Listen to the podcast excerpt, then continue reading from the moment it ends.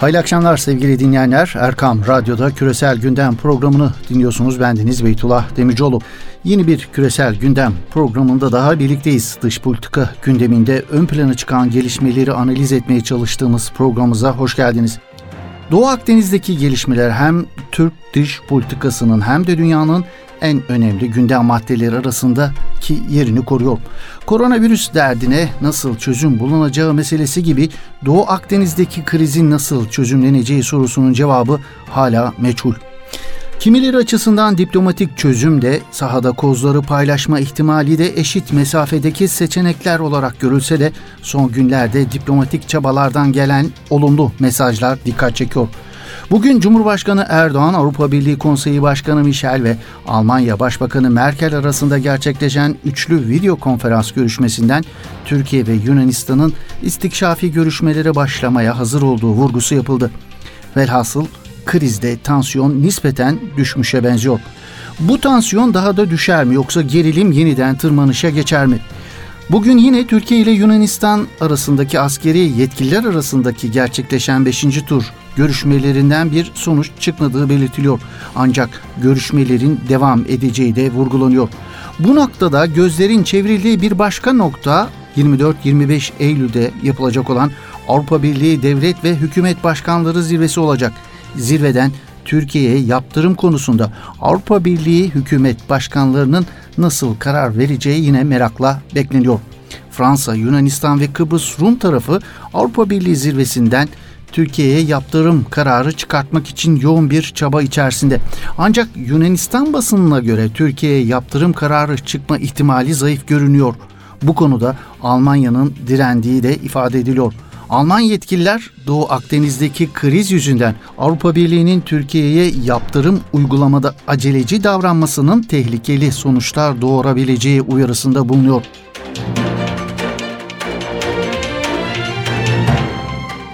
Avrupa Birliği'nden yeterli desteği bulmakta zorlanan Yunanistan tarafının canını sıkan bir başka gelişme ise Amerika Birleşik Devletleri'nin Ankara Büyükelçiliği'nin Türkiye ve Yunanistan arasında Doğu Akdeniz'de yaşanan gerilime konu olan Sevilla haritası ile ilgili yaptığı açıklama oldu. Sevilla haritasının hukuki statüsü hususunda ABD Sevilla haritasının hukuki bir öneme sahip olmadığını düşünmektedir. Avrupa Birliği'nin de Sevilla haritasını hukuki bağlayıcılığı olan bir belge olarak değerlendirmediğini görmekteyiz açıklamasında bulundu ABD'nin Ankara Büyükelçiliği. Amerika Birleşik Devletleri'nin açıklamasında aynı zamanda deniz yetki alanlarının uluslararası hukuk gereğince ilgili devletler arasında varılan mutabakatla karara bağlanması gerektiği de vurgulanıyordu. Türkiye ve Yunanistan'ın istikşafi görüşmeleri en kısa süre içinde yeniden başlatmaya teşvik edildiği de belirtildi. Amerika Birleşik Devletleri'nin Ankara Büyükelçiliğince yapılan sosyal medya paylaşımında.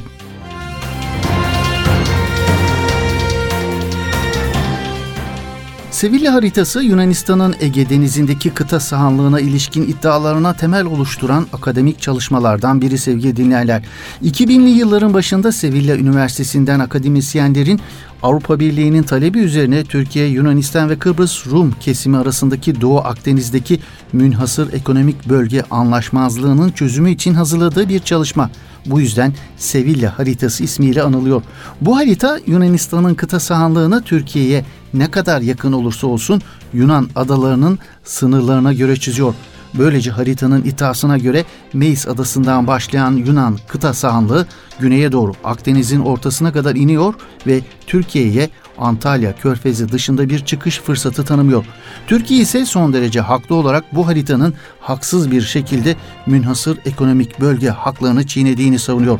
Türkiye ayrıca Yunanistan'ın Sevilla haritasından vazgeçmediği sürece bu gerginliğin bitmeyeceğini de belirtiyor Atina yönetimine.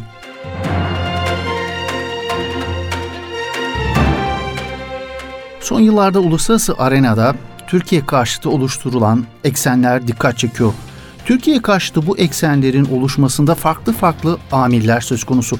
Bu amiller arasında en belirleyici olanlarından biri de özellikle son dönemde Türkiye'nin jeopolitik hamlelerinin ortaya çıkardığı sonuçlar.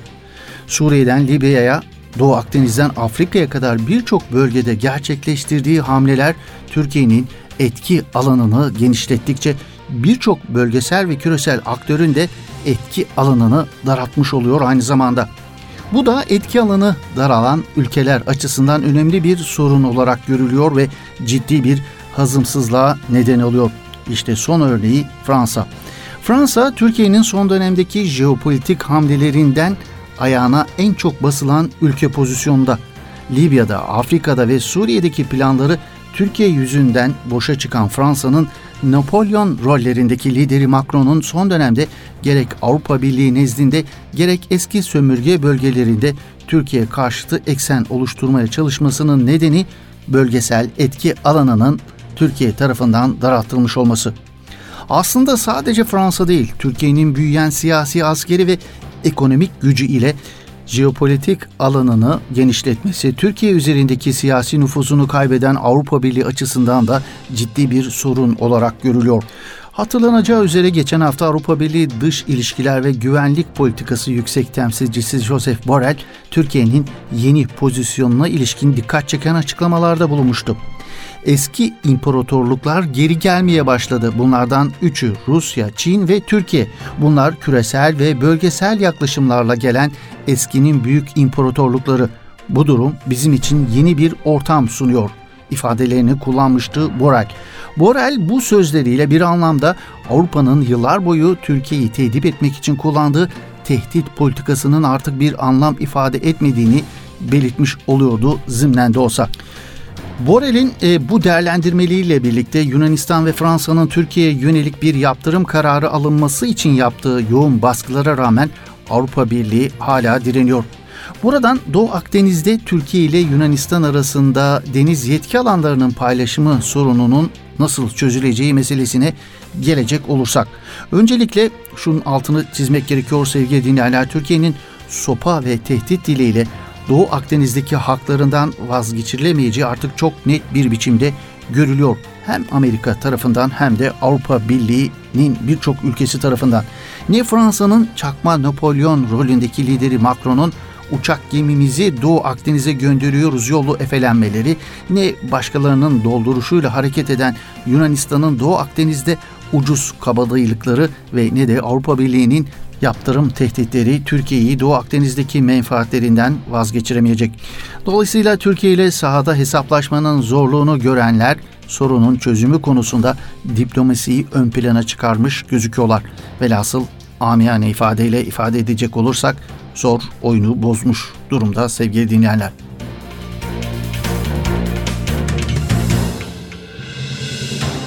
Evet Türkiye'de şu günlerde bir kısım Selefi derneklerin silahlandığı yönündeki iddialardan hareketle bir tartışma yürüyor. Bu iddialar ne kadar gerçeği yansıtıyor ya da yansıtmıyor bilemiyoruz. Ancak biz içerideki bu iddialardan bağımsız olarak dışarıdaki Selefi gerçeğine ilişkin bazı mülahazalarda bulunmak istiyoruz. Özellikle de Orta Doğu'da kimi ülkelerin dış politika enstrümanı haline gelen kimi Selefi grupların rolüne değinmek istiyoruz. Geçen hafta Yeni Şafak gazetesinden Süleyman Seyfi Öğün anlaşma başlıklı makalesinde Birleşik Arap Emirlikleri ve Bahreyn'in İsrail ile ilişkileri normalleştirme anlaşmasına dair bazı değerlendirmelerde bulunmuştuk. Öğün yazısında özetle Arap halk isyanlarında bazı rejimlerinin yıkılmasının Müslüman kardeşlerin zaferi gibi görüldüğünü, halbuki bunun son derece geçici bir durum olduğunu belirtmişti. ABD-İsrail ikilisinin bu süreçte öncelikle Arap halklarındaki despot yönetimlere yönelik öfkenin yani bir anlamda enerjiyi açığa çıkardığını, daha sonra da Mısır'da olduğu gibi ezdiğini, bunu yaparken de El-Kaide'den devşirdiği Selefi radikalizmi kullanmayı da ihmal etmediğini belirtiyor ve Selefilerin Mısır'da Müslüman kardeşlere yaptıklarını hatırlatıyor. Bugün Arap mahallesinde Siyonizm ile Selefilik el ele vermiş vaziyette. Hedeflerinde Arap coğrafyasından Sünni temeldeki demokratizm ve Şii nüfuzunun geriletilmesi var. İlkini büyük ölçüde Türkiye, diğerini ise İran temsil ediyor. Asrın anlaşması hayata geçtiği nispette Selefi Siyonizm ikilisi durdurulabildiği nispette de Türkiye İran'ın başarılı olacağını öngörülebilir değerlendirmesinde bulunuyor Süleyman Seyfi Öğün.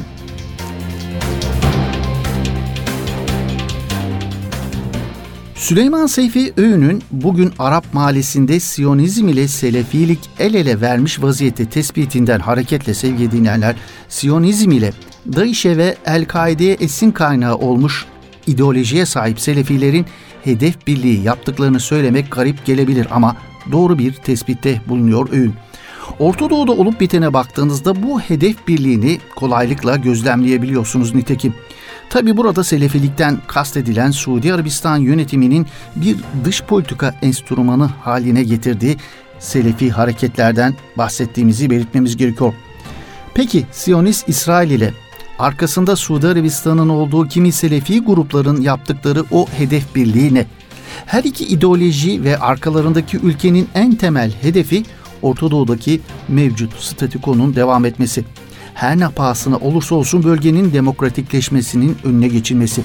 Bölgenin demokratikleşmesi hem Siyonist İsrail açısından hem de birçok enstrüman gibi Selefi ideolojiyi ve dini hassasiyetleri kullanan Suudi Arabistan'ın da arzu etmediği bir değişim bu. Bu hedef birliği içerisinde hareket ediyor her iki ülkede. İşte Mısır'da Suudi Arabistan'ın yönlendirdiği Selefi Nur Partisi'nin Mısır'ın ilk ve tek seçilmiş Cumhurbaşkanı Muhammed Mursi'ye yönelik uluslararası darbede yaptıkları, darbede oynadıkları rol herkesin malumu. Mısır'da darbeci Sisi'yi açık açık destekleyen Selefiler gibi Libya'da da Methali Selefileri ulul emr ilan ettikleri savaş ağası Halife Hafter için savaşıyorlar.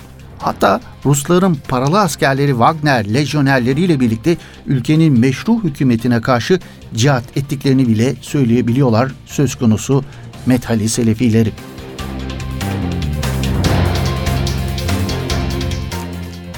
Evet, sözün özü Siyonistleri temsil eden İsrail ile Selefileri temsil eden Suudi Arabistan ve onun liderliğini yaptığı Körfez'deki eksen adeta bölgede ortak kader birliği içerisinde hareket ediyorlar sevgili dinlerler. Bu kader birliğinin en temel hedefinde de ifade ettiğimiz gibi Orta Doğu'daki mevcut statükonun muhafaza edilmesi var. Bölgenin demokratikleşmesinin önüne geçmek var. Bu uğurda Tunus'tan Cezayir'e, Libya'dan Yemen'e siyasal İslam'la mücadele kılıfıyla istikrarsızlaştırıcı bir misyonu yüklenmiş olduklarını söylemek mümkün. Bu yüzden Siyonist İsrail ile başını Suudi Arabistan ve Birleşik Arap Emirlikleri'nin çektiği ve Arap sokağında bugün artık şer ekseni diye anılan blok bölgenin demokratikleşmesinden yana olan Türkiye karşıtı ortak bir söylem ve eylem birliği içerisindeler. Hem İsrail ve ABD'deki Yahudi lobisinin etkisi altındaki medyada hem de Körfez medyasında Türkiye'ye yönelik bir kara propaganda yürütüyorlar ve aynı zamanda Doğu Akdeniz'de, Libya'da, Suriye'de, Afrika'da Türkiye'nin karşısına çıkıyorlar. Arap Sokağı'ndaki adıyla Şer ekseninin üyelerinden Birleşik Arap Emirlikleri ve Bahreyn ile başlayan ve ileride başka Arap ülkelerinin katılması beklenen ve adına normalleşme denen sürecin başlatılmasındaki en temel sahip de Orta Doğu'nun mevcut statükosunu korumak var. Bir başka deyişle bu ülkeleri İsrail'in kucağına iten şey rejimlerine ilişkin korkuları ve endişeleri. Meşruiyetlerini dışarıda aramak zorunda kalmalarının bir sonucu yaşanıyor bugünlerde. Rejimlerini koruyup kollamak adına İsrail ile kucaklaşmalarının onlara kazandırdığı hiçbir şey yok ancak. Bu ihanet belki kendilerine konjöktürel bir rahatlama sağlayacaktır ancak asıl kazandıkları şey zillet olacaktır.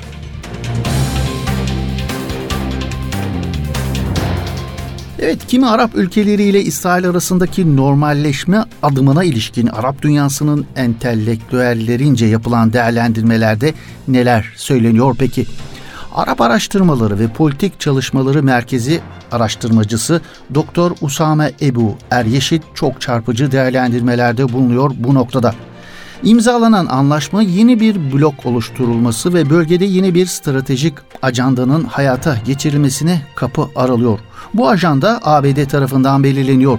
Normalleşme anlaşmalarının resmi adı bile bize bir ipucu veriyor diyor Usame Ebu Eryeşit. Bu anlaşmaların resmi adı İbrahim Anlaşması olarak geçildi. Bu isim özenle belirlendi. Taraflar bu ismi şöyle açıklıyorlar. Biz Müslümanlar, Hristiyanlar ve Yahudiler olarak hepimiz Hz. İbrahim'in soyundan geliyoruz ve bu aramızda bir ortak nokta. Ancak mesele bundan çok daha ötesi diyor Er Şehit. Asıl ulaşmak istedikleri hedef bölgenin kimliğini yok saymak ve onu sulandırmak. Onlara göre Arap kimliği yok, İslami kimlik yok. Zaten bundan dolayı Orta Doğu terimini kullanıyorlar. Çünkü İslami kimlik varsa bölgedeki İranlılar, Türkler, Kürtler devreye giriyor. Bunu istemiyorlar. Arap kimliğini de tanımak istemiyorlar. Çünkü bu bölge onlara göre Hz. İbrahim'in çocuklarının yaşadığı Orta Doğu bölgesi. Dolayısıyla İsrail böylelikle bölgenin asli bileşenlerinden biri konumuna geliyor. Buradaki sorun İslami ve Arap olan diğer bölge bileşenlerini düşmanlaştırmaları.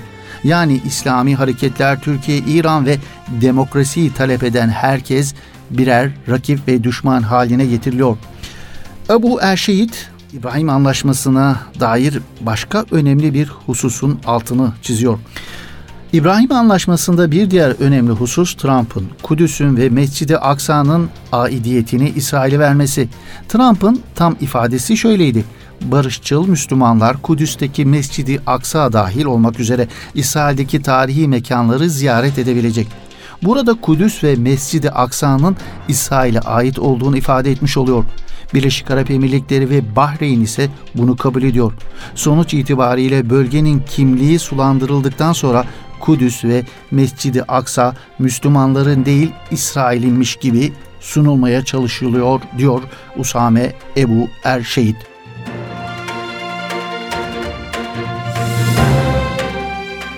Bu normalleşme anlaşmalarının bölgede büyük bir değişime sebep olacağını düşünmüyorum diyen yurt dışındaki Filistinlilerin Halk Konferansı Genel Sekreteri üyesi Muhammed Mişeyneş ise tek değişen şeyin Arap ülkelerinin tutumlarındaki çöküş ve bölünmüşlüğün artması olacaktır tespitinde bulunuyor. Muhammed Mişeyneş, kimi körfez ülkelerinin Filistin davasına ihanetine rağmen Filistin davasına sahip çıkacak Filistinli gençlerin varlığına dikkat çekiyor ve şunları söylüyor. Siyonistlerin Büyükler ölecek, küçükler ise unutacak diye meşhur bir söylemleri vardı. Ancak hiç de öyle olmadı. Nekba'nın üzerinden 72 yıl geçti. Evet doğru büyükler öldü. Bu Allah'ın takdiriydi ancak küçükler unutmadı. Bugün Filistin ve Kudüs'teki direniş çoğunlukla gençler tarafından yürütülüyor. Onlar davasını unutmadılar. Babaları ve dedelerinin direnişinden ilham alıyorlar ve büyüklerin hatalarından ders çıkarmaya çalışarak yollarına devam ediyorlar. Değerlendirmesinde bulunuyor Muhammed Mişeyneş.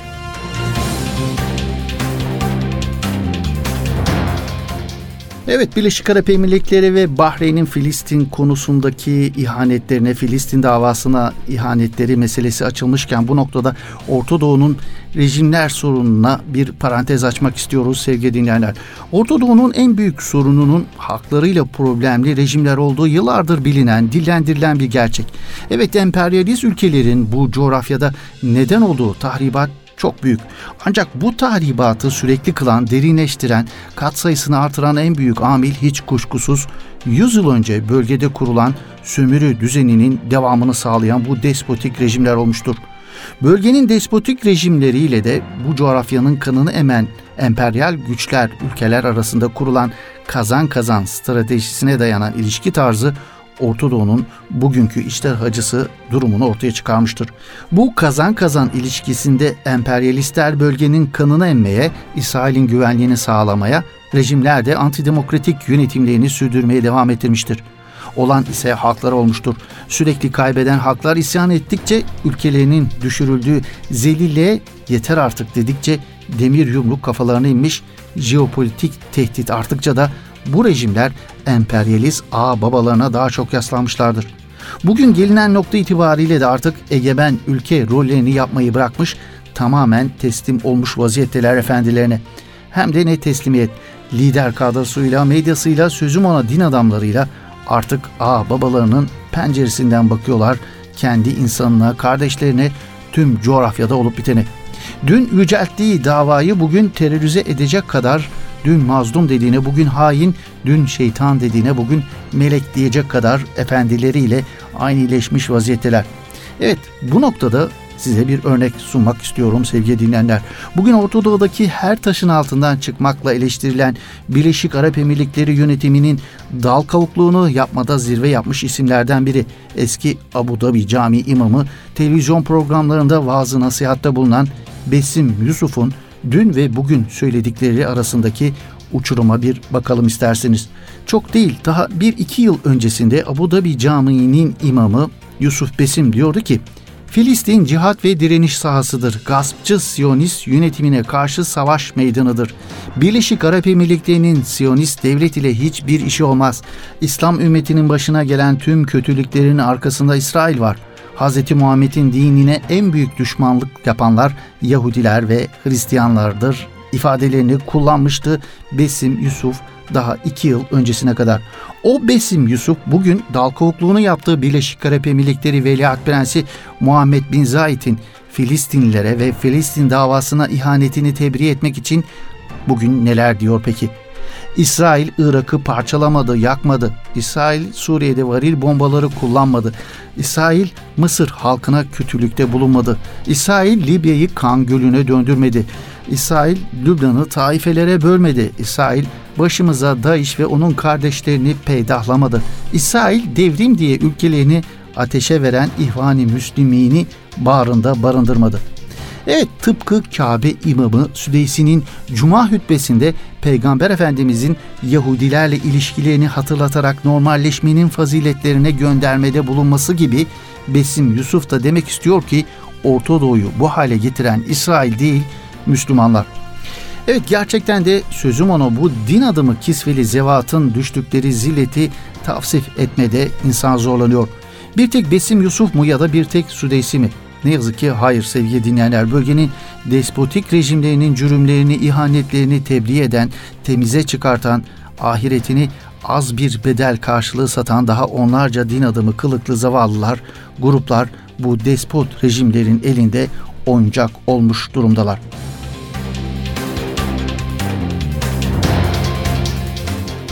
Evet sevgili dinleyenler bir küresel gündem programımızın daha böylelikle sonuna gelmiş bulunuyoruz. Yeni bir küresel gündem programında buluşmak ümidiyle hoşçakalın iyi akşamlar efendim.